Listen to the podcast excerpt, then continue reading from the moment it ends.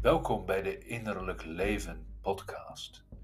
Geloof jij ook dat je grootste successen, je belangrijkste missie in je leven, de grootste kracht die je uit jezelf kunt putten en de meest wezenlijke zaken waar je in die end naar op zoek bent, eigenlijk gaan over de wereld van je ziel.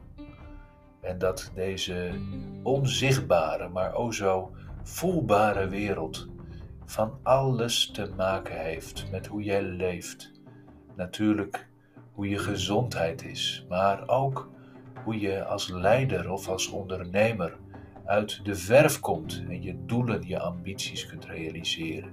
Geloof je ook dat je in je leven de dingen meemaakt die je vormen en shapen tot wie je nu bent en dat het belangrijk is om al deze invloeden in je leven te leren verwerken, integreren, om daardoor te groeien. En geloof je dan eigenlijk, even als ikzelf, dat de trauma's en de wonden in een mensenleven alles te maken hebben met het pad van je ziel, maar ook het ontvouwingspad dat je volgt als ondernemer, als directeur, als bestuurder.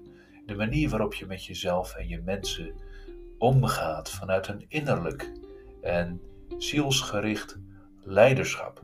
Nou, als deze woorden bij jou binnenkomen en een snaar raken, dan is deze podcast voor jou.